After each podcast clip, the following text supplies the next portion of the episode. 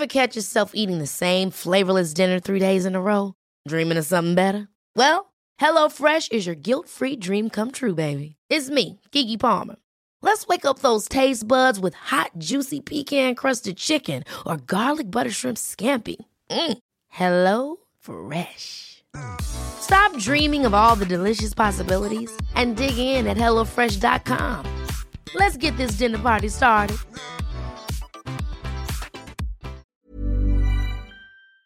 Det jag gör och det som är viktigt för mig, det är att jag hela tiden funderar på vad är passionerad eh, över just nu, vad tycker jag är roligt, vad är det som driver mig i stunden, och så försöker jag göra mer av det, och någonstans har det lett mig till där jag befinner mig idag, så det är, så det är faktiskt precis så. Jag har aldrig haft en plan och jag vill ännu mindre idag ha en plan, för att jag tycker att mitt liv har, eh, har blivit ganska härligt ändå, så att det har liksom inte riktigt behövts.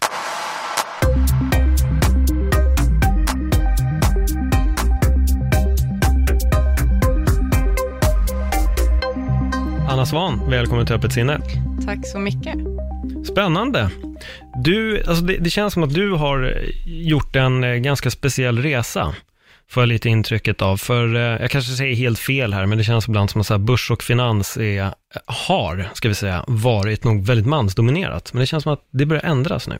Ja, men ganska mycket. Och eh, jag har egentligen, jag visste inte att jag ville jobba med finans överhuvudtaget, utan det var någonting som växte på mig under tiden som jag pluggade företagsekonomi, och företagsekonomi pluggade jag egentligen bara för att jag inte hade någon aning om vad jag ville göra överhuvudtaget, så jag var superlost och bestämde mig för att om jag börjar plugga ekonomi, så är det säkert den bredaste grunden jag kan stå på, och då kanske jag under tiden lyckas lista ut vad jag tycker är kul egentligen. Mm.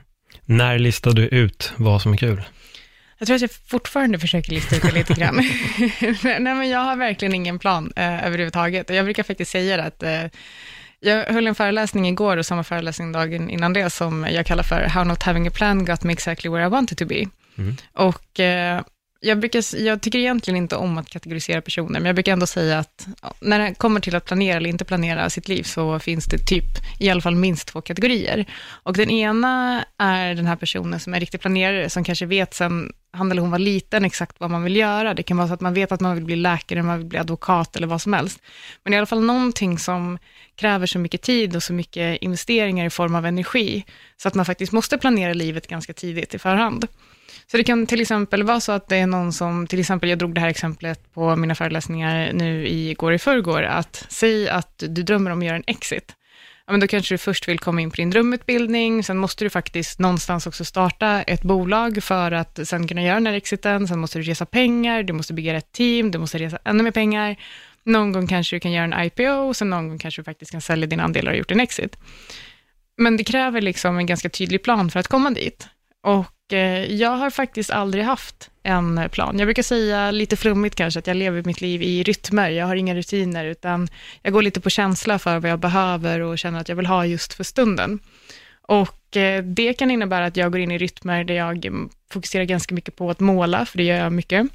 Det går också, kan, kan också hamna in i rytmer där jag skriver väldigt mycket, både de böcker som jag faktiskt har publicerat, men också mycket andra texter mer skönlitterärt.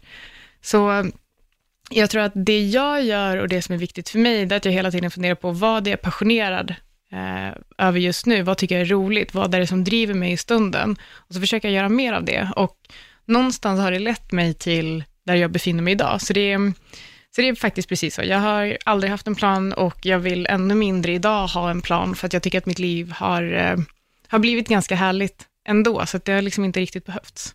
Men tänk om det kanske istället är den bästa lösningen, att inte ha en plan. För jag springer på ganska många, har sprungit på ganska mycket människor i mitt liv som har haft den här utstakade planen. Um, och det är inte alla som är jättenöjda när de har haft den planen heller. Nej, jag tror att eh, den stora risken är att framförallt om du har en 10 eller 20-årsplan, det är att du får ett tunnelseende. Och då missar du många möjligheter som kommer på vägen. Och det gör att när du väl når det här stora målet sen i slutändan, så kommer du stå där med ditt diplom eller din, dina pengar, eller vad det nu är i slutändan, så kommer du undra, varför är jag inte lycklig? Det var ju exakt det här jag trodde att jag ville ha. Eh, och jag försöker istället vara mer spontan och ta tillvara på ganska spännande saker som händer runt omkring mig. Det gör också, jag har också skapat mig en tillvaro som gör att jag har möjlighet att tacka ja till saker som jag kanske inte hade haft om jag hade haft ett vanligt jobb eller eller om jag hade valt liksom kanske en traditionell yrkes, yrkesbana. Men, eh, men för mig har det i alla fall, och den friheten som det ger mig, har det blivit extremt viktigt och någonting som jag håller ganska hårt i idag. Mm, det låter som att du har ett öppet sinne. Jag har ett väldigt öppet sinne. men, men någonstans måste det här ha börjat. Någonstans måste du ändå kanske ha haft så här, det första jobbet, där man ändå tar ett, så här, ett första beslut att jag vill bara göra sånt som får mig att må bra. Jag gjorde det för några år sedan. Idag fokuserar jag bara på det som får mig att må bra. Du upptäckte det bra mycket tidigare i ditt liv. Jättebra, grattis, måste jag säga. Men, eh, men någon, jag tänkte, hur började det? För jag antar, precis som jag säger, du kanske hade ett jobb från början som du valde att sticka ifrån, eller? Ja, men jag tror egentligen att det nog började lite tidigare än så. Jag hade en ganska jobbig gymnasietid eh, och hade inte så mycket vänner och de vännerna som jag faktiskt hade, vi hade egentligen ingenting gemensamt. Och jag är född och uppvuxen på en liten hästgård utanför Skövde, som det är liksom några timmar ifrån. Jag var yngst av eh, fyra syskon. Eh, mamma musiklärare, pappa driver ett IT-bolag. Eh, min ena syster är florist, min bror jobbar inom IT och min andra syster, eh, hon eh, jobbade inom, eh, hon hade ett statligt yrke och eh, nu ska hon ha sitt första barn. Eh, och jag har nog alltid tyckt att det måste finnas någonting mer, för att resten av min familj är kvar liksom, på landet. Och jag tyckte aldrig att det var speciellt roligt. Det var så 500 meter närmsta granne och jag tyckte någonstans att det måste finnas någonting mer än det här. För antingen kan jag stanna kvar här och så kan jag för alltid undra, liksom, vilken typ av kapacitet har jag? Vad kan jag egentligen åstadkomma när jag står på mina egna ben? Så direkt efter gymnasiet så bestämde jag mig för att jag måste härifrån, för jag måste få börja om från början. Jag kan inte vara den här Anna som alla tror att jag är. Eh, utan jag måste få, få flyga lite fritt. Så jag bestämde mig för att eh, söka jobb i eh, Stockholm, Malmö och Göteborg för att se var jag skulle hamna egentligen. Och jag hamnade i Malmö och där hade jag varit typ en gång innan. Och det var lite poängen också, att inte känna någon och att få börja, börja om från början. Och det var bara liksom, i och med att jag var precis, hade precis fyllt 19, precis tagit studenten, så det var liksom ett säljjobb. Men jag flyttade dit, jag tog de få saker jag ägde, drog till Malmö och tänkte, nu ska jag börja från början, nu ska jag lära känna en massa människor och jag ska nätverka, jag ska bygga relationer, det kommer bli fantastiskt. Och det var fullt pladask. För jag visste ju inte, så här, var i Malmö träffar man folk om man är nyinflyttad och inte känner någon? Det är helt omöjligt. Så att ett tag var det ganska ensamt och ganska jobbigt. Eh, och det var tills jag faktiskt bestämde mig för att jag skulle börja plugga. Eh, och eh, då lossnade det ganska rejält för mig, för då lärde jag känna rätt mycket människor och jag bestämde mig också för att jag skulle jobba heltid under tiden, för att jag ville ha pengarna, jag behövde pengarna. I och med att jag var liksom ensam i den här stan så ville jag inte vara beroende av någon annan heller. Och eh, just det här oberoendet har också alltid varit väldigt, väldigt viktigt för mig. Känna att jag står på egna ben, känna att jag inte behöver någon. Så att jag har alltid, alltid försökt vara lite strong and independent eh, och kanske inte riktigt heller låtit folk komma nära på det sättet.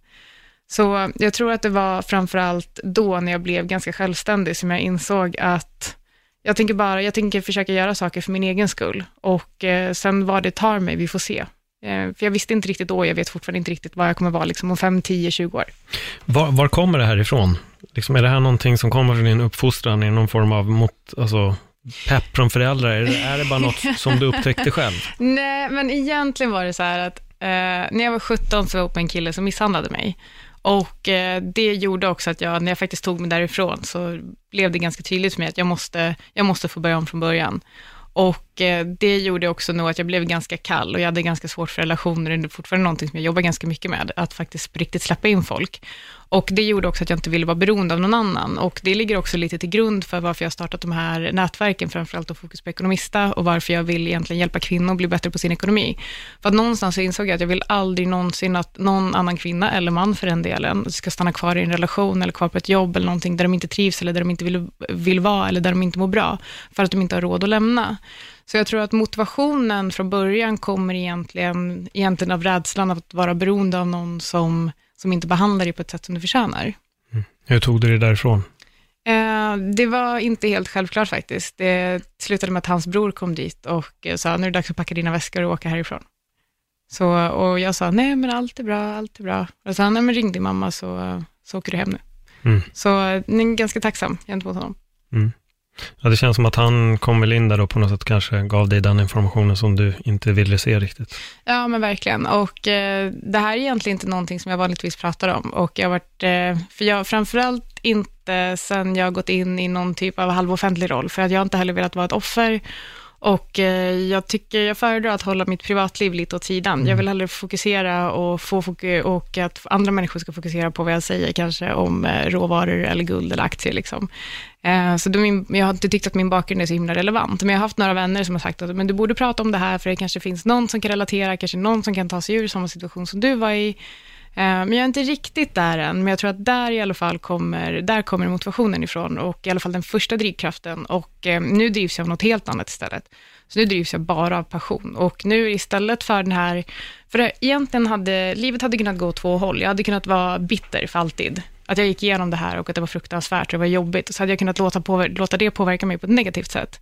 Men nu istället, så jag vaknar ju egentligen, det här låter jätteklyschigt, men jag vaknar egentligen varje dag och tänker, shit, vilket fantastiskt liv jag har, vilka möjligheter jag har, vilka vänner jag har, vilka relationer jag har. Och jag är så sjukt tacksam. Men med det sagt så skulle jag, om någon skulle säga, okej, du får gå igenom hela ditt liv igen eh, och du får plocka bort vissa delar. Eh, jag skulle aldrig någonsin välja att gå igenom det en gång till, även om det var det som liksom kanske ledde mig hit. Det finns inte en chans, aldrig i livet. Jag får först säga tack för att du öppnar upp dig. Det betyder jättemycket att du ändå ja, men vidrör ett ämne som, som du själv säger verkar vara ganska jobbigt för dig att, att ta upp i det offentliga.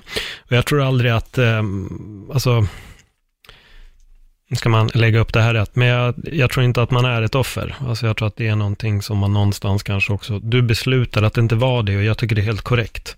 Ja, och det, är också, det ger dig den här styrkan att kunna liksom leva det livet som, som du lever idag och du tog det därifrån, vilket är alltså oerhört starkt. Det är jätte, jättestarkt och jag tycker att det är bra att, att du vågar säga det här också, för att jag tror att det finns för många där ute som är låsta i den här formen utav relation som du har varit i och de vet inte riktigt hur de ska sticka.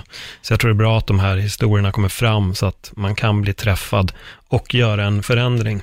Ehm, så ja, jag tror att det är, man kan hjälpa folk med sitt sparande och sen kan man också hjälpa någon som sitter i en förjävlig relation att kunna sticka därifrån. Absolut, så, så ja, som sagt, det var, det var en ganska tuff period och samtidigt som gymnasietiden, jag hade som sagt inte så mycket vänner och eh, jag var egentligen, ja men typ mobbad samtidigt, så det var så en väldigt ensam tid, så att efter det så har jag varit ganska emotionellt isolerad. Mm. Ehm, men det börjar, bli, det börjar bli lite bättre och eh, jag känner liksom egentligen från egentligen år till år hur, hur mer öppen jag blir och uh, framförallt hur, hur mycket enklare det blir för mig att öppna upp mig för mina vänner. Jag pratade med en av mina närmsta vänner för bara förra veckan och så berättade jag någonting som jag hade gått igenom ganska nyligen och som jag tyckte var jobbigt och då bara tittade hon på mig och så sa hon, varför pratar inte du med mig om det här under tiden som det händer? Det är ju därför vi är vänner, för att jag faktiskt ska finnas där.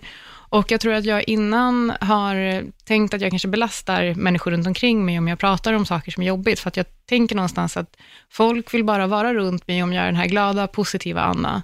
Eh, men jag är ju inte alltid det, så att jag har tenderat nog att eh, om jag inte är på humör, så bara stänga in mig och är ensam istället för att faktiskt eh, vända mig till någon som, som kan hjälpa mig. Eh, Men, eh, men jag blir bättre, jag blir bättre och bättre. Jag tror att folk vill vara runt Anna. ja, kanske det. Sen behöver det inte alltid vara glatt och positivt. Vi är inte alltid glada och positiva, men jag vet. det är sanningen i den och jag tror att ibland så är vi så duktiga på att bygga den här lilla fasaden runt omkring oss som att allting är bra och man märker oftast på dem där allting är lite för bra så är det oftast någonting som döljs. Medans men absolut. när folk kan vara genuina med sina känslor så tror jag också att man kommer på sikt Exakt. vara gladare hela tiden. Ja, absolut. Och jag uppskattar när mina vänner kommer till mig och säger att de är ledsna, Ja. för då känns det som att, oj, vilket förtroende jag får. Mm. Så någonstans borde jag väl kanske leva som jag lär. Ja. Ja. Du har ju börjat här och nu. Ja, faktiskt. Du har Får öppnat upp se vad det här katalyserar. Det här är starten på ännu fler förändringar. Ja, men livet är ju lite så, livet är ju en, det är en konstant förändring. Alltså så är det för mig, för mig med. Jag fyllde 41 ganska nyligen och det är, en, det är en process som är pågående hela, hela tiden. För varje år så kan jag se nya, nya förändringar. Och det var det jag menade precis innan när jag sa du upptäckte ändå grejer väldigt tidigt. jag tror som sagt att det var det som katalysatorn till det. Mm. Mm. Men hur känns det idag att så här, släppa in folk? I, i, liksom, har det blivit lättare eller har Ja. du fortfarande lite den här muren? Ja, men jag har fortfarande ganska mycket i mur. Eh, jag, ehm, det var faktiskt lite roligt. Eller, eller jo, det var ganska roligt. För att jag pratade med, eh, jag satt åt middag med, eh, med en person och då sa han till mig att ibland känns det som att saker du säger till mig är inövade. Så ehm, vi ska leka en liten lek nu. Och då sa han, berätta vem du är, men du får inte berätta vad du gör eller var du kommer ifrån. Och då bara tittade jag på honom och så blev jag skitsur. så sa jag, men det kan jag inte. Att, mm. Och då insåg jag att jag har identifierat mig så himla mycket med vad jag faktiskt gör. Och det har också varit ett sätt för mig att inte behöva släppa in människor. Det kanske faktiskt är så att uh, nu, det är inte riktigt så här, men inte riktigt så enkelt. Men eh, om man pratar liksom i stora termer, så tänk om det egentligen är så att jag åstadkommer massa saker, jag bygger saker, jag startar bolag och skriver böcker, för att det ska kunna vara det jag gömmer mig bakom. Och att det är det människor ska vilja prata med mig om. Men medan jag istället är något helt annat på insidan. Och eh, jag tänkte ganska mycket på det här och så insåg jag att jag måste börja skilja på vad jag gör och vem jag är.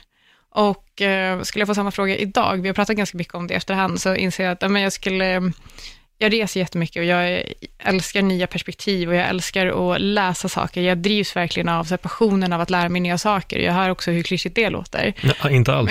Nej, men alltså inte alls. Det är ingen klyscha överhuvudtaget. Nej, men, men det absolut viktigaste för mig, det är att jag ska, att jag, jag brukar fundera på vad gör mig lycklig idag och vad gör jag idag som gör mig lycklig imorgon eller de kommande veckorna. Mm. Och ett superenkelt exempel, det är så innan, kanske på kvällen när man kommer in från jobbet, man är ganska trött. Ska man sätta på Netflix eller ska man lägga sig och läsa en bok? Och jag läser egentligen mest böcker om penningpolitik just nu. Och det är för att jag tycker att det är jätteroligt. Jag tycker verkligen att det är fantastiskt kul. Eh, mina vänner skrattade åt mig senast idag, för att jag höll en föreläsning, så var de där och så sa de, varje gång du ord, nämnde ordet centralbank så glittrade det i dina ögon. det är en konstig hobby. Men, eh, men så då, ibland så man pallar ju liksom inte lägga sig och läsa. Då kan det vara så för att man är trött och så vill man hellre se på någonting. Men då måste man fråga sig själv, vad av de här två valen som jag har nu, vad kommer ha gjort mig lyckligast imorgon? Och det är ju så 100% av fallen så är att om jag vaknar imorgon och har läst ytterligare ett kapitel om typ manipulationen av LIBOR, som är liksom ett sätt att sätta räntan i eh, Storbritannien. Jag vet ju att jag imorgon kommer vara gladare över den kunskapen än om jag såg liksom en serie på Netflix. Så man måste hitta den typen av balans. Men, eh, men med det sagt så, eh, jag har ju cheat days hela tiden. Ja, men det behövs. Det behövs. Ja. Jag kan ju säga att jag läste Stephen Kings Outsider Uh, skitbra bok. Men det är den senaste va? Ja, ja. ja, nu kom en ny igår, men absolut, det, ja, men... det är den senaste. uh, men jag läste den skitbra och sen började jag läsa Marcus Hernehags böcker om aktier och så ja. lyckades jag läsa två stycken av honom och så lyckades jag läsa en annan aktiebok och jag har hundra sidor kvar på Stephen King. Så jag är så här, vad fan, för att jag inser att jag tycker för, för tillfället att det är lite roligare att läsa om pengar och aktier, så jag förstår precis din känsla. Faktiskt. Ja, men precis. Att man Nej, fastnar i det där. Ja, Uh, och nu är det som sagt kanske just penningpolitik och jag har en ganska stark confirmation bias när det kommer till just centralbanker och penningpolitik och det är att jag är inte jättepositivt inställd till dem, så jag läser böcker som heter typ någon heter uh, A History of Central Banking and the Enslavement of Mankind, så det är liksom den typen av böcker jag läser. men, ja, men de, de är ganska roliga. Men på tal om Stephen Hawking, en bok som, uh, som jag läste... Stephen King. Stephen King menar jag.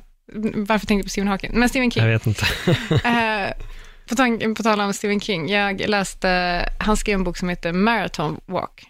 Mm. Uh, och uh, den gjorde att jag och, när jag bodde i Malmö, jag och min bästa vän där, vi började gå maratons varje söndag och vi gjorde det i nästan ett år. Oj, ja. jävlar. Vi blev lite inspirerade. Ja. Uh, vi tänkte så här, undrar hur lång tid det tar att gå ett maraton egentligen? Och så gjorde vi det och så var det skitjobbigt. Det var Men ni blev inte skjutna va? För det är väl det de blir i den där boken? ja, i alla fall om man saktar ner. Nej, vi, vi överlevde faktiskt. och Skönt. sen gjorde vi det ganska många gånger. Ja. Så, ja. Jag vill bara hoppa in på en grej här, för jag, jag, känner att jag vill dela med mig av en sak till, till dig från mig ja. här nu, vad gäller just att vara väldigt identifierad med det man gör. Um, som jag berättade för innan vi började sändningen, jag höll på med både skådespeleri, jag höll på med stand-up comedy, jag eh, jobbade med MMA, vilket jag nu gör, men det var en period då jag inte gjorde det, och det var även en period då jag inte höll på med stand-up eller någonting. Uh, och mitt i det så var jag tvungen att, jag sökte jobb på Telenor och började jobba som säljare. För jag var tvungen att styra upp min ekonomi efter att ha jobbat som PT och tappat kunder och intresset för jobbet kort och gott, så jag hade sjukt dåligt med pengar. Eh, och när jag började jobba där så förstod inte jag vem jag var alls. Jag kände mig superkluven, jag var inte säljaren, jag kunde inte identifiera mig med det för fem öre överhuvudtaget. Jag började rannsaka mig själv väldigt, väldigt mycket och från den ena dagen till den andra så inser jag att jag har varit superduktig på att säga att man ska inte placera folk i fack. Men jag hade placerat mig själv i det största facket. Jag var MMA-killen, eller jag var standup-komikern, eller skådespelaren, eller PTn. Det var grejer som jag kunde identifiera mig med, precis som du säger här. Och eh, på något sätt så hade jag glömt att fan, jag är Paul som råkar göra de här sakerna. Och när jag väl kunde kliva ifrån alla de här grejerna, yrkesrollerna som jag identifierade mig med och förstå att jag är Paul som råkar sysselsätta mig med det här för stunden. Helt plötsligt då kunde jag slappna av. Jag hade nog jobbat i två eller tre veckor, bara hade sålt ett abonnemang på den här tiden. Dagen efter att jag har fått den här insikten går jag och jobbar, säljer tre abonnemang. Dagen efter det säljer jag tre till och dagen efter det tre till. För helt plötsligt kunde jag slappna av. Jag förstod att jag var där för att jag behövde rätta till min ekonomi. Jag behövde jobba. Det här var någonting temporärt. Jag är inte säljare. Jag är Paul som råkar jobba med sälj. Och efter den dagen har jag kunnat identifiera mig med Paul. Att jag är inte allt annat jag gör. Det är bara saker jag råkar sysselsätta mig med. Men det har varit en oerhörd befrielse för mig och en sån jävla lättnad att bara kunna släppa alla de här, äh, vad ska man säga, nästan påhitten om mig själv. Liksom. Men jag, jag förstår precis vad du menar. Det känns lite som också, jag pratar ganska mycket om, eller jag tycker att det är ganska viktigt att vara utanför sin comfort zone. Eh, men i och med att man ska spendera så mycket tid utanför sin comfort zone, så innebär det att man måste vara obekväm ganska ofta. Så man måste lära sig att tycka om det. Jag brukar kalla det för comfort zone paradox. Det känns lite som att det du beskriver är innan du egentligen får insikten om den här paradoxen. Och ehm, det är skitsvårt att uh, inse, så här, men vem är jag då om jag inte får identifiera mig med det jag gör? Mm. Vem är jag då? Och då helt plötsligt så funderar man på, saknar jag, saknar jag djup liksom? Uh, för man ska ändå spendera så många timmar med det man jobbar med, så om man inte får identifiera sig med det, mm. det är väldigt, väldigt svårt att veta egentligen vad man tycker är kul i livet. Jag tror så här, jag tror att det är helt okej okay att identifiera sig med det, men det får inte bli du. Jag tror att det är lite det som är skillnaden och jag därför tyckte det var en sån bra grej det den här killen sa till dig med att du ska inte prata om liksom ditt jobb och sånt, vem är du? För att det är den svåraste frågan. Jag menar alla fester vi går på, man säger sitt namn och yrkesrollen man har och sen är det där diskussionen cirkulerar och då tror den som får höra allt om det att den vet exakt vem du är. Det var som när jag sa förut när jag jobbade som PT, personlig tränare. Ja, fan det vet jag, jag brukar ju, jag vill träna mer. Och, och, då blir det ungefär som att jag är en präst och ska ta emot en bikt om varför de inte mm. aktiverar sig. Så här, jag skiter fullständigt i vad du gör. Kan vi prata istället bara om Exakt. så här, vem är du och vad gör du? Men, men det är svårt, för att, för att det där är, jag tror att det är vår sköld liksom. Ja men verkligen. Jag är den här och så är det så här, oh, wow. Men för då nice. slipper man ju släppa in folk på djupet. Exakt. Uh, och jag insåg efter ett tag, först var nej, det kan jag, jag, kan absolut inte säga vem jag är, för jag vet inte. Och då sa, så sa jag till honom efter ett tag, för jag bara stammade, jag visste inte vad jag skulle säga.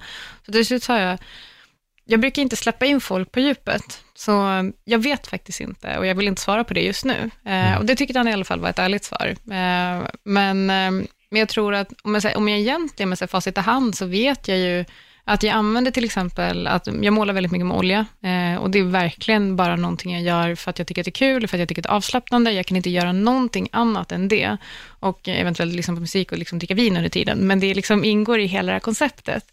Och det är en stor del av mig och jag tror att en stor del av mig är också att jag, har, att jag gillar bredden. Jag tycker om att på dagarna sitta liksom nedsjunken bland grafer och titta på hur kakaopriset har rört sig och varför. Och sen på kvällarna liksom få sätta upp håret i en knut, hälla upp ett glas rödvin och, eh, och måla någonting, bara för att det är så himla avslappnande. Och jag får ibland höra, har du också fått höra någon gång, folk säger till mig ibland, du är för mycket, kan du inte välja en sak? Du kan inte både måla, skriva och investera. De kan dra åt helvete. Mm, men faktiskt. Nej, men alltså ärligt talat, för att, för att jag är precis, alltså jag har haft så mycket gäster där jag brukar alltid fråga så här, vad är din brytpunkt från det du gör? Och det är väldigt många som inte har något. Mm. Utan de har en pryl och jag brukar säga att du behöver nog hitta en sak till, mm. så att du inte gör det precis som de vill göra, begrava sig i en sak. Jag mm. tror att det checkar upp en och jag tror att det är där man förlorar sig själv. Mm. Då har du blivit det yrket eller nu vad det nu är du vill, vill vara.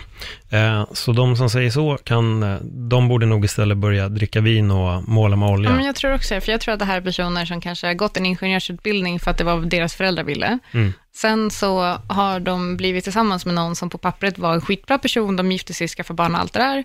Och nu har de jobbat som ingenjörer, har liksom en ganska bra lön då, men de har varit på samma företag i tio år och eh, så fyller de 40 eller 50 och så köper de en röd halvfin sportbil och så sätter de sig i den här sportbilen och så tänker de, varför är jag inte lycklig? Mm. Det var exakt det här jag trodde att jag ville ha.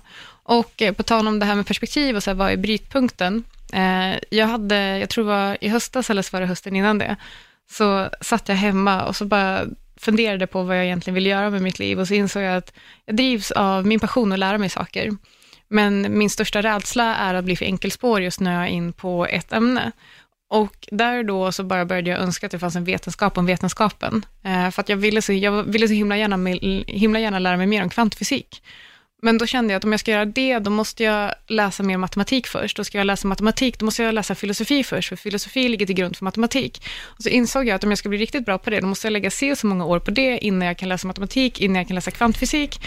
Och eh, så bara slog det mig, jag bara, varför finns det ingen vetenskap om vetenskap? För sen måste jag välja ett område inom respektive ämne också. Och då kände jag att istället för att liksom bli helt insnöad på en sak, så är det bättre att försöka korsbefrukta olika områden.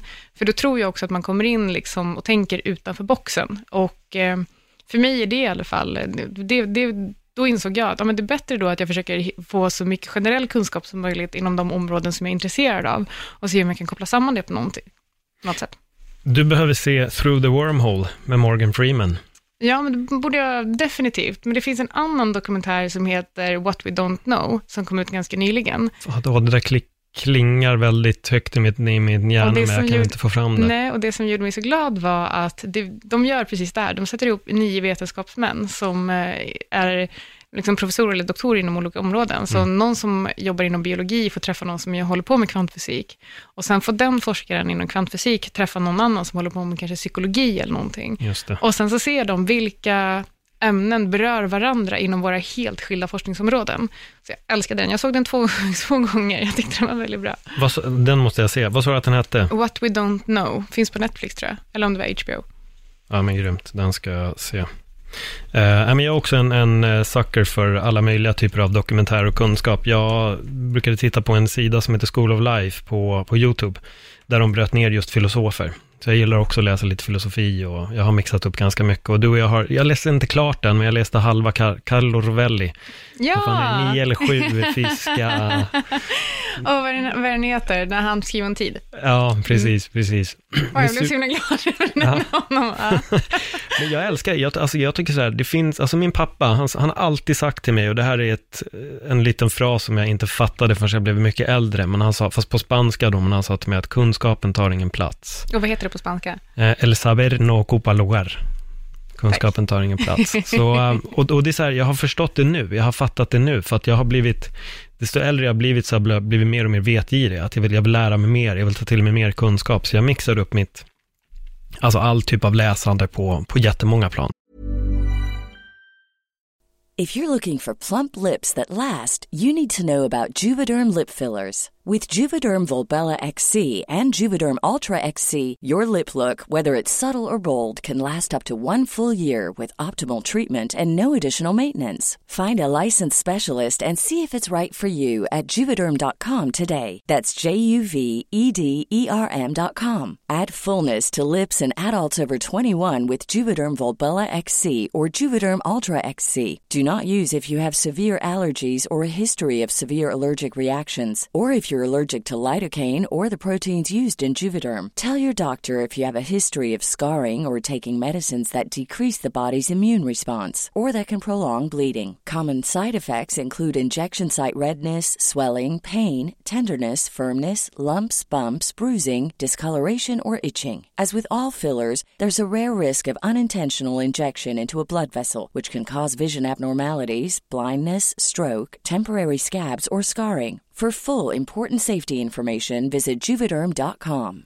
Ready to pop the question? The jewelers at Bluenile.com have got sparkle down to a science with beautiful lab grown diamonds worthy of your most brilliant moments. Their lab grown diamonds are independently graded and guaranteed identical to natural diamonds, and they're ready to ship to your door. Go to Bluenile.com and use promo code LISTEN to get $50 off your purchase of $500 or more. That's code LISTEN at Bluenile.com for $50 off. Bluenile.com code LISTEN.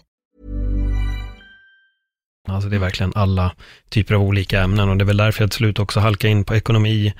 Men jag gillar också fysik, jag tycker det är skitspännande och Through the Wormhole är ju galet. Det är en serie med Morgan Freeman där de går igenom alla möjliga grejer. Ja, men jag, jag, får, jag får börja kolla på den. Nej, men jag tycker att kunskap överlag är så sjukt spännande.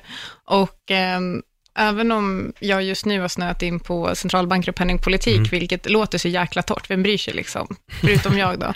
Men, eh, men, eh, men jag har faktiskt eh, tvingat mina vänner läsa några av mina favoritböcker, så nu kan jag i alla fall diskutera det här ämnet med dem. Och de mm. tycker faktiskt också att böcker är bra, säger de i alla fall. Men vad, vad är det, vad, vad, vad var det som gjorde att du fick upp intresset för centralbanken och fick de här, du får gärna gå in på dina ah, åsikter och tankar också. Ja, nej men poängen egentligen är kanske inte mina åsikter i sig, utan hur jag letar efter information, tror jag. Mm. Eh, för det skiljer sig nog lite från vad andra gör. För att jag vill egentligen alltid verifiera ny kunskap. Så om någon, nu är jag ganska aktiv på Twitter och liksom läser ganska mycket nyheter och grejer. Om någon presenterar en idé för mig, så har jag väldigt svårt att värdera den om inte jag känner att jag har tillräckligt mycket underbyggd um, kunskap själv. Så det kan vara till exempel att någon säger att det är helt sjukt att, eh, dagens, att centralbanker idag eh, lägger räntan så lågt. Och så här, ja, det tycker jag också. Men, och sen så insåg jag att det finns säkert massa böcker som folk rekommenderar. Men jag ville någonstans leta själv, leta själv efter information och verifiera den datan själv, så att jag inte liksom låses in i någon annans confirmation bias. För annars blir det som, eh, ja, den här klassikern om man nu ska koppla till investeringar, annars blir det som du vet en när en taxichaufför eller en vän säger köp den här aktien och så köper alla den här aktien, men ingen vet riktigt varför. Jag tycker inte om att ha åsikter utan att förstå varför jag har den här åsikten.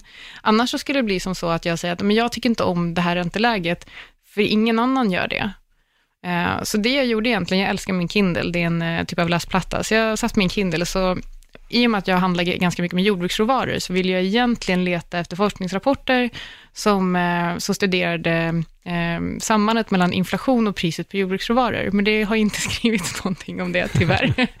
så då började jag fundera på, okej, okay, men vad, då behöver jag i alla fall förstå eh, förstå penningpolitiken i grunden och liksom de mekanismerna bakom liksom det tekniska. Eh, så, för då kan jag göra egna antaganden i framtiden. Så det var egentligen så. Så började jag leta upp böcker om centralbanker och eh, sen sorterade jag egentligen på reviews och jag valde böcker som jag inte hade hört talas om innan. För jag ville inte heller ja, vara en av crowden. Så läste jag en som heter The Everything Bubble, The Endgame for Central Bank Policy. Och den är skriven av en författare som heter Graham Summers. Och han är sjukt rolig. Alltså han tar det här ämnet som egentligen borde vara liksom torrt och tråkigt, men han avslutar varje kapitel med Good God Almighty, för att han tycker att centralbanken är så sjuk i huvudet. Och eh, jag liksom, när jag läste den här på ett par veckor, jag låg och garvade högt varje kväll i sängen, för att den var så rolig. Liksom. Och eh, då insåg jag att ja, med det så gillade jag liksom det här spåret, som kanske inte var så positivt eh, mot centralbanker, så då laddade jag ner den här andra boken som hette, jag menar, som jag nämnde innan, A History of Central Banking and Enslavement of Mankind, för jag är väldigt intresserad av historia också, så då fick man verkligen gå igenom hur egentligen eh, romarriket föll, delvis på grund för, av att man blandade ut silvermynten.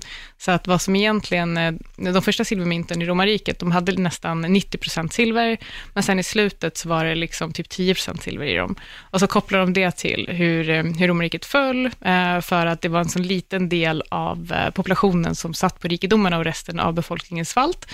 Så, så, så den här typen av grejer tyckte jag var väldigt, väldigt spännande. Och ju mer jag läser, desto mer information inom olika områden söker jag efter. Så jag blir inte så himla påverkad av egentligen vad media säger att vi ska läsa, utan jag hittar egna vägar, vilket också gör att jag kanske får lite andra perspektiv på saker. Och jag har ju liksom inte heller några problem att sticka ut hakan och sen så dela med mig av vad jag tycker och tänker. Vilket är liksom lite vattendelat. Det finns de som verkligen hatar mig. Jag hittade en tråd igår och det var så här, folk tycker att, och det, grejen var där, jag lade märke till att den här tråden, där hade de verkligen, de hade så mycket problem med mig som person. Det var inte egentligen vad jag sa om liksom börser eller investeringar, utan det var verkligen, de tyckte inte om mig som person. Och jag tänkte, jaha, intressant. Men de känner inte dig? Nej, exakt. Det var, det var min slutsats också. Spännande. Ja. Fan, det här är skitintressant. Jag känner ju att alltså, fler behöver ju göra det du gör. Att läsa, och det är som du säger, att man ska nog, man måste ta reda på informationen själv istället för att bara bli påverkad av åsikter. Eh, jag tycker det är roligt när du nämner det här med romarriket, för det känns lite som att det faktiskt också återspeglar dagens samhälle. Ja, och jag brukar säga det. Och vi, vi har inte lärt oss någonting på fler, alltså någonsin. Och om man tittar på, det som är, jag kan berätta lite rolig kuriosa. Ja, kör på. Ehm, under 1600-talet, för Sveriges riksbank, det är världens äldsta centralbank, så under 1600-talet så ehm, var, fan, hade vi Stockholm Banko, som var motsvarigheten då, det var en bank, eh, och den drevs av Johan Palmstruch, som hade grundat den. Och han insåg att i och med att vi lämnar ut kvitto på hur mycket guld folk har i sina bankvalv, så kan vi lämna ut fler kvitton, för att alla kommer ju inte hämta ut sitt guld samtidigt. Och därmed kan också banker tjäna pengar på den här räntan. Bara det att till slut så blev ju det här känt och då blev det en så kallad bankrusning och alla sprang samtidigt i banken för att hämta ut allt till guld och eh, banken gick i konkurs och Johan Palmstruch, han blev dömd till döden. Åh, Så det han egentligen gjorde var att han tryckte pengar. Idag, 350 år senare, gör vi exakt samma sak. Så vi har inte lärt oss någonting. Han blev benådad sen förresten, så han överlevde. Ett tag i alla fall. men, men, eh, men det säger ganska mycket om, för idag har vi någonting som kallas för QE-program, som egentligen betyder quantitative easing. Och det innebär egentligen att centralbanker trycker mer pengar, för att fler, mer pengar ska komma i omlopp, för att ekonomin ska fortsätta rulla framåt. Så att de här effekterna av att vi ser en ekonomisk tillväxt, det är inte på riktigt egentligen. Och nu kommer något ännu mer intressant, och det är att eh, i Japan gör man redan det här, men i EU och ECB, då vill de trycka pengar för att köpa eh, egentligen, eh, de vill köpa börsen, de vill köpa obligationer, de vill köpa aktier. Så då ska man egentligen börja förstatliga tillgångar, och det tycker jag är helt sjukt. Vad skulle det innebära? Det är ju, ehm, nu får man ha vilken politisk åsikt man vill, men att förstatliga tillgångar är ju kommunistiskt. Och det som händer och det som man har gjort i Japan då, det är att eh, japanska centralbanken är den största ägaren av de största ETFerna där. Och det innebär att de egentligen får kontroll och det innebär också att Ja, det är klart du kan investera i det här, för de kommer ju bara fortsätta trycka pengar och pressa upp priserna på tillgångar, men det är ju en äh, artificiell eh, tillväxt, det är ingen äkta tillväxt. Det är inte egentligen, det är inte egentligen ekonomin som växer, det är ju bara att det finns mer pengar i omlopp. Och det innebär också att priset på saker måste höjas och det är då vi får inflation. När sprängs bubblan? Ja, du, det, jag, tror att, jag tror faktiskt att eh, det kommer dröja lite längre. Eh, och eh, jag är ganska positionerad för att det kommer se ganska illa ut. Eh, men jag tror att det kommer dröja ganska lång tid, för att idag gör alla centralbanker precis allt de kan för att hålla priserna uppe. Domedagsanda. Jag tänkte precis. Vad muntert det blev. Allt kommer gå under. Jag har redan... Eh, Köp guld. ja, men precis, precis. Jag har alla aluminium, massa burkar, burkmat. Exakt, jag har foliehatt hemma också som jag brukar ta på mig så att inte staten kan lyssna på mina tankar. Nej men shit, men fan vad spännande. Alltså det här är ju jävla lite tvära kast i den här podden. Jag älskar det. Jag tycker det här är, det här är skitkul. Men ehm, vad säger folk när du säger det här? Nu finns det ju uppenbarligen en, vad var det, ett, en tråd på nätet där folk liksom, de gillar inte det. Och det är väl förmodligen för att det är det här du kanske sitter och säger. Ja, eller? men, ja men, men det är ju också så här, det, det vanligaste argumentet är, de vet nog vad de gör. Och jag bara, Mm, ja, jo. här, ja, jo, men vi har aldrig, aldrig heller gjort den här typen av experiment med liksom, ekonomin. Och om man tittar på, om man ska jämföra då med eh, vad vi gjorde på 1600-talet och eh, egentligen alla fiatvalutor, en fiatvaluta är egentligen något som eh, är en valuta som eh, den svenska kronan eller dollarn, som inte är uppbackat med någonting. Det är egentligen bara papperslappar och allting bygger på ett förtroende till den här centralbanken som bara trycker mer pengar. Förr i tiden så hade vi ju faktiskt eh, guld som backade upp valutorna, så ser det ju inte ut idag. Och alla fiatvalutor i hela världen i, under hela historien, de har en sak gemensamt.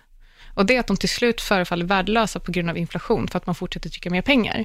Så vi lär oss aldrig någonting. Så jag tror att någonstans så kommer, jag tror att det finansiella systemet som vi känner till idag, om 20-30 år eller lite längre tid så kommer det se helt annorlunda ut. Jag tror att vi helt kommer gått över på till exempel kryptovalutor.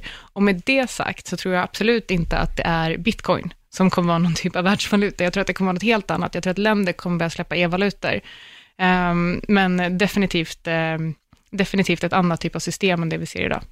Jag tänkte, den enkla förklaringen bara, så här, vad är en kryptovaluta för de som inte vet? För jag vet att vissa har verkligen ingen aning om kryptovaluta överhuvudtaget. Hur skulle man kunna förklara det liksom bara på ett enkelt sätt?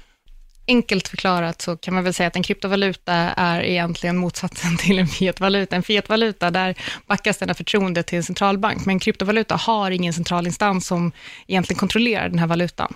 Har det varit något snack om att centralbanken skulle vilja skaffa en egen eh, kryptovaluta? Nu tänker jag bara lite för att Facebook Ja. ska skaffa, det dyker liksom upp lite mer och mer. Ja, men vi har ju, Riksbanken har ju pratat om den här e-valutan och e-kronan. Eh, och eh, nu pratas det ganska mycket om att Iran vill släppa en guldbackad kryptovaluta. Så det är verkligen eh, så långt ifrån en fiatvaluta man kan komma. Fan vilken intressant kombo. Guld Mm. i krypto. Mm, Spännande. Så här, något som egentligen man inte kan röra till någonting som är väldigt tungt. exakt. Ja, för, för krypto är ju någonting som väldigt många har börjat hålla på att investera i och det är ju en, en valuta som är galet volatil. Det känns som att den kan vara värd en spänn och sen morgonen efter så är den kronan värd tusen kronor. Mm. Eh, alltså vad är det som gör att de svevar så mycket? För om inte jag har fel heller, börsen har ju öppet under en viss tid, men när det kommer till kryptovaluta, det är 24 timmar om dygnet, va? Den är väl aldrig stängd, va? Nej, den är aldrig stängd, så du kan handla hela tiden om du gör det med egentligen en riktig wallet och inte via typ certifikat som du kan köpa via Nordnet och Avanza. Då kan Mm. du fortfarande bara handla dem under börsens öppettider. Okej. Men anledningen till att den svänger så mycket och att den är så volatil, det beror på massa olika saker. Det är liksom regleringar och på vissa ställen förbjuder man det.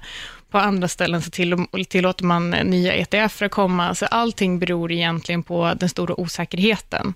Och ehm, vol volatilitet är ett mått på risk. Och är det hög volatilitet så betyder det alltså att det är mycket risk i tillgångslaget. Så det är egentligen därför, det att det är därför det svänger. För ju, ju säkrare en tillgång är, nu finns det ingen säker tillgång, men desto lägre volatilitet, desto lägre svängningar är det. För det känns ju också som att man måste ha ett jävla stabilt psyke om man lägger alla sina pengar på typ krypto Jag när det svänger dygnet runt. Ja, men jag skulle inte rekommendera någon att lägga alla sina pengar i det. Jag, eh, jag brukar säga generellt, och det här, jag lämnar absolut inga rekommendationer, men jag tycker för mig räcker liksom ett par procent av den totala portföljen. För då är det så här, om, eh, om det inte blir någonting av det alls, då har du bara förlorat ett par procent av ditt kapital.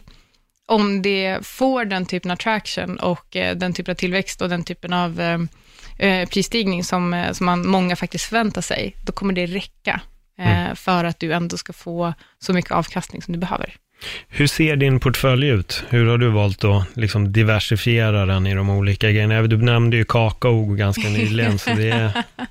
Ja, nej, men jag, jag byggde för ja, men två och ett halvt år sedan, eller om det är tre år sedan, så började jag fundera ganska mycket på, i och med att jag är ganska, jag är ganska negativt inställd till börsen, och den tuggar sidledes, och det är ganska mycket risk. Vi ser liksom, det, det handelskriget, och vi har geopolitiska oroligheter, eh, och eh, priserna generellt är ganska upppressade. Och eh, då kan man egentligen, om man nu ska tänka i hedgeformer, alltså hur man vill hedga sin portfölj, så skulle man kunna korta börsen, alltså att man satsar pengar på att börsen ska gå ner. Men då förlorar du också pengar om börsen fortsätter gå upp. Och jag insåg att det här, det är alldeles för hög risk att göra det här och det känns helt onödigt. Vad finns det för tillgångar och framförallt tillgångslag som har, som har egentligen en negativ korrelation till börsen? och som är kontracykliska till börsen. Vad finns det för tillgångar som är billiga när börsen är dyr? Och tvärtom. Eh, och hur kan man egentligen allokera sina pengar mellan de här tillgångarna? Och det här är väl också ytterligare ett exempel på när jag eh, får för mig att jag ska göra någonting och istället för att eh, fråga någon, vad gör man? Och så får jag ett svar och så accepterar jag den sanningen och så gör jag som de gör. Så började jag leta själv. Och eh, då insåg jag att jordbruksråvaror, som typ ingen någonsin har handlat. Så, så det finns ett ganska, det, finns det, det är typ kontracykliskt. De tenderar att vara billiga när eh, börsen är dyr och tvärtom. Och då tänkte jag, aha, men varför köper man inte jordbruksråvaror nu då? Och eh, allokerar bort en del från aktier till jordbruksråvaror. Och eh, sen så, jag tycker att det är ganska skönt att ha liksom 10-20% guld eh, i portföljen och använda det som hedge, för guld är också en sån tillgång som tenderar att stiga när börsen är skakig. Så jag började egentligen titta på hur kan jag egentligen bygga en tillgångsallokeringsstrategi som allokerar mellan de här olika tillgångsslagen? Och det mynnade ut i någonting som jag idag kallar för Cygnus. Så nu är vi egentligen ett team som jobbar med den här strategin eh, och eh, utvecklar den och eh, det, det har faktiskt gått, eh, gått riktigt, riktigt bra. Så nu tittar vi egentligen på vad, gör, vad är nästa steg? Ska vi starta en fond? Liksom? Vad ska vi göra? Så eh, i min portfölj idag så har jag 40% aktier och då är jag inte Egentligen, jag, vill, jag är inte en stockpicker, jag är inte duktig på att välja enskilda bolag. Min stora styrka är att analysera hela marknader. Hur ser aktiemarknaden ut i relation till jordbruksråvarumarknaden? Hur ser det ut på guldfronten? Vill vi, eh, vill vi bara äga guld? Vill vi liksom titta mer på ädelmetaller generellt och hur ska fördelningen vara mellan guld och silver då till exempel? Eh, Så idag har jag 40% aktier, jag har 40% jordbruksråvaror och eh, jag har 20% eh, ädelmetaller och det är den här tillgångsallokeringsstrategin. Och sen så har jag en mycket liten eh, kryptoportfölj också. Men är det, så här, det här med att hedga, är det inte lite det som är i filmen Big Short? Jo, Det är precis det, eller hur? Man- exakt. Men han valde ju då precis det som jag sa att jag inte ville göra, för han Ja. valde att gå kort. Eh, Så han valde att betta på att de här instrumenten skulle falla i pris. Mm. Och det är det jag kände att det är för hög risk för mig, för att jag kände att det blir ett tvåvägsbett egentligen. Eh, För det finns bara två typer av utfall. Men om jag fortfarande äger aktier och de fortsätter stiga, även om jag inte tror att de ska göra det, då är jag fortfarande med på den uppgången. Men hade jag valt att korta aktier, då hade jag definitivt förlorat pengar. Så nu väljer jag istället att diversifiera portföljen till andra tillgångar som eh, har ett lägre pris. Hur länge ligger du liksom med aktien, det här med att ligga kort, ligga medel, ligga långt? Eh, förlåt, med guld. Guld var frågan. Eh, hur menar du då? Alltså jag har hur, alltid... hur är din utsiktsplan på guldet? Ja, nej, men idag, idag är det så här, jag vill alltid ha minst 10% guld i portföljen. Eh, och eh, det är en inflationssäker tillgång. Och eh, man kan, skulle kunna göra en jämförelse. Ett guldmynt idag, vad är det värt i, i svenska kronor? Vad kan det vara? 15-16 000 kronor. Och eh, för flera tusen år sedan så kunde du köpa en jättefin tåga för ett guldmynt. Idag kan du köpa en skitsnygg kostym. Så guld har bevarat sitt värde under alla de här åren. Så för mig handlar det om att när andra tillgångar, framförallt den svenska kronan har ju varit väldigt, väldigt svag, så istället för att jag har en del av mina pengar i kassa i svenska kronor, så tycker jag i alla fall att för mig känns det bättre att äga det i guld. Och när jag använder guld som hedge på det sättet att skulle aktien på marknaden falla, då kommer jag till slut sälja av en del av guldet för att köpa aktier till ett lägre pris. Så jag har egentligen, det beror, det beror helt på när saker och ting slår in eller inte. Men, men generellt sett så ligger jag alltid lång guld. Ja, okej, så du utnyttjar liksom fallen Exakt. och eh, uppgångarna och så pendlar du mellan dem. Precis, men jag försöker inte heller tajma marknader, eh, utan det handlar mer att jag har tid i flera olika marknader. Och Ray Dalio till exempel, som är en av världens eh, främsta förvaltare, han har en portfölj som heter All Weather Portfolio. Och de, den har en fast allokering mellan olika tillgångslag och det har varit en av de bästa portföljerna, framförallt under finanskriserna. Så att diversifiering är liksom nyckeln om man vill ha ett bra resultat över lång tid. Vad är det största misstaget folk gör när de börjar med aktier eller guld eller vad det nu än må vara som man kan investera i? De eh, förstår inte vad de gör, så de blir rädda och säljer utan att eh, fatta varför en aktie rör sig åt ett håll eller ett annat. Eh, Så det kan till exempel vara så att någonting har stigit ganska snabbt och då, vill de, då får de FOMO, så vill de hoppa på det här tåget och så köper de och sen så faller priset och då blir de skiträdda, så säljer de och sen så går samma tillgång upp igen och då bara shit, jag skulle varit med och så håller de på, så det de egentligen gör är att de urholkar sina egna pengar. Eh, Så det är väl liksom det, det vanligaste misstaget egentligen. Hur, hur har volatiliteten sett ut på guldet sen du började? Alltså så här stigning procentuellt, eh, gått Eh, upp, ner, stannat? Ja, men ganska rejält upp. Jag tror att jag började köpa guld när guldet stod... Ja, men den är, först så gick den ner från 1300 till typ 11, eh, 1190 dollar och nu står den i cirka 1500 dollar. Så att, eh, och fem, den har gått från liksom typ eh, 1300 till 1500 på eh, ja, ett par månader.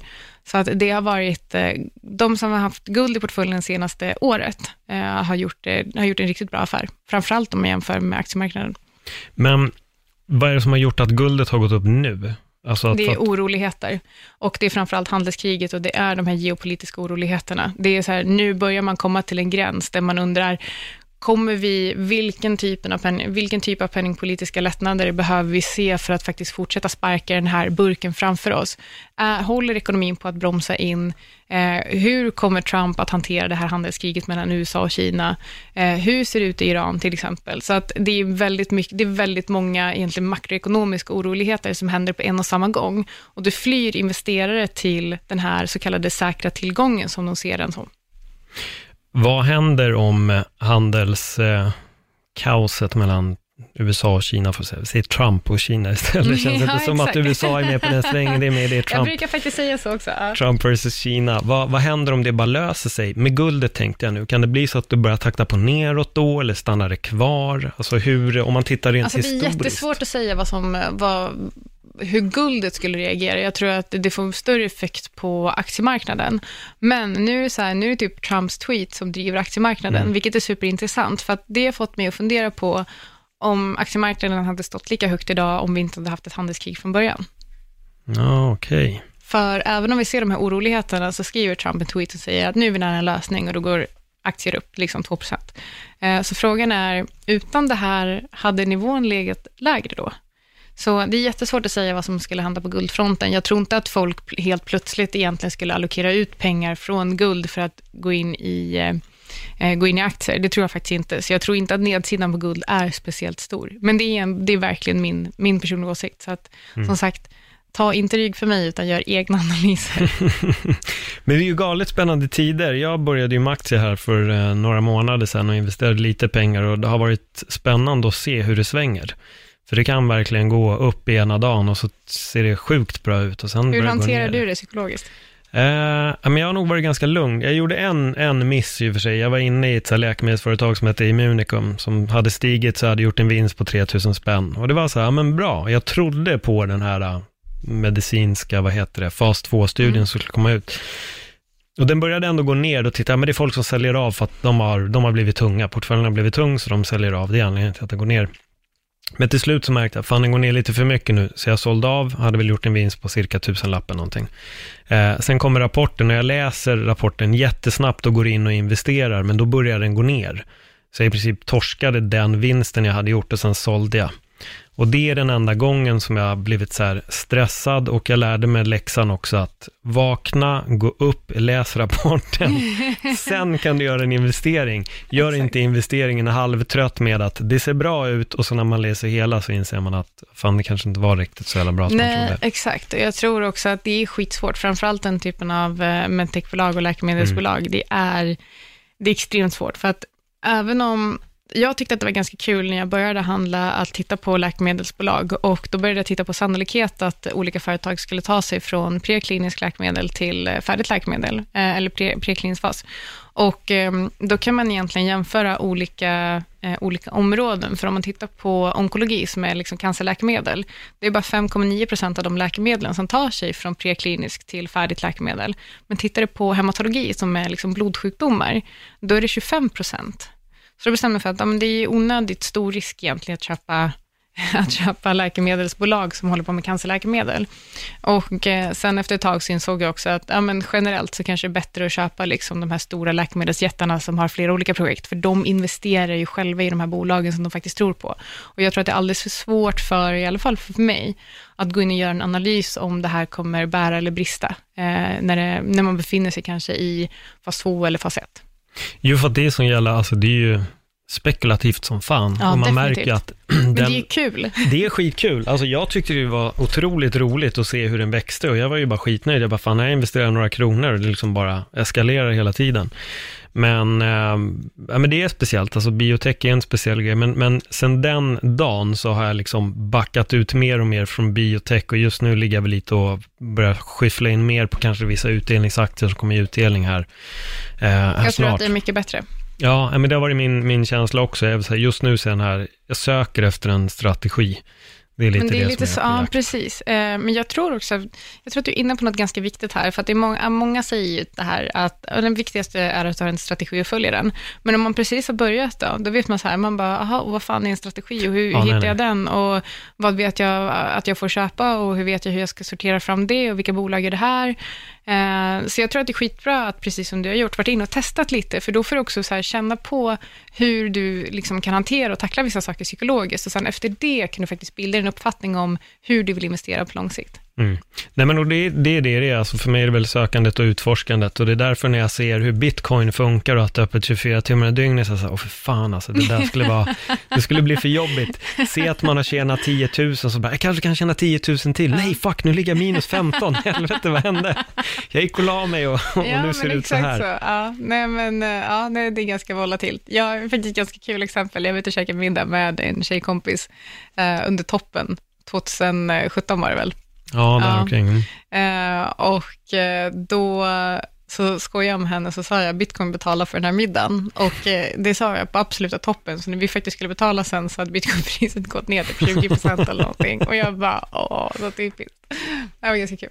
jag tycker också det är roligt när man, man kan beställa vissa grejer online och så betalar man bitcoin. Mm. Men det betyder också att du kan köpa en sak för en hundralapp, Mm. men en, några timmar senare kan den produkten ha kostat liksom några tusen. Ja, men jag har faktiskt eh, några vänner som har berättat om hur de liksom förr eh, köpte saker för och betalade ganska många bitcoin för det, för att då kostade de liksom någon dollar styck och det var ju så himla enkelt att tillverka dem. Så funkar det inte riktigt längre. Ja, jävlar alltså.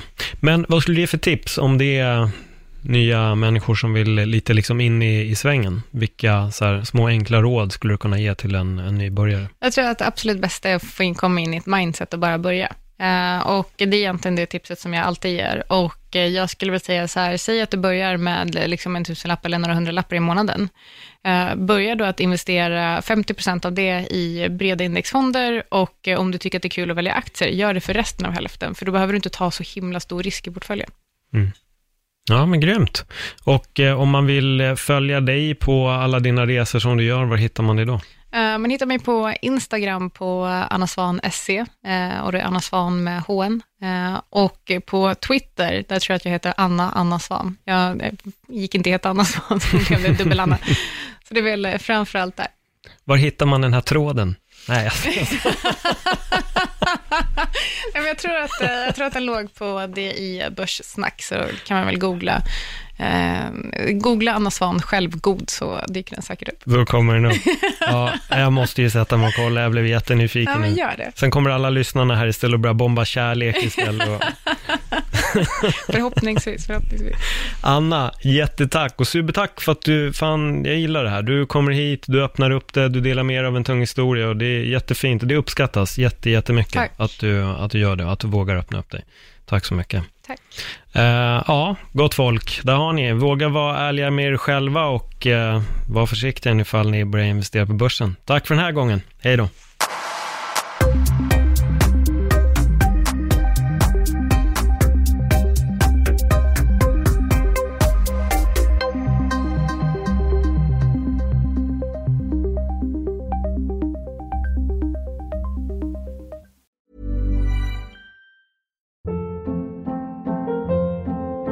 Hold up. What was that? Boring. No flavor. That was as bad as those leftovers you ate all week. Kiki Palmer here, and it's time to say hello to something fresh and guilt-free. Hello Fresh. Jazz up dinner with pecan-crusted chicken or garlic butter shrimp scampi. Now that's music to my mouth. Hello Fresh. Let's get this dinner party started. Discover all the delicious possibilities at hellofresh.com.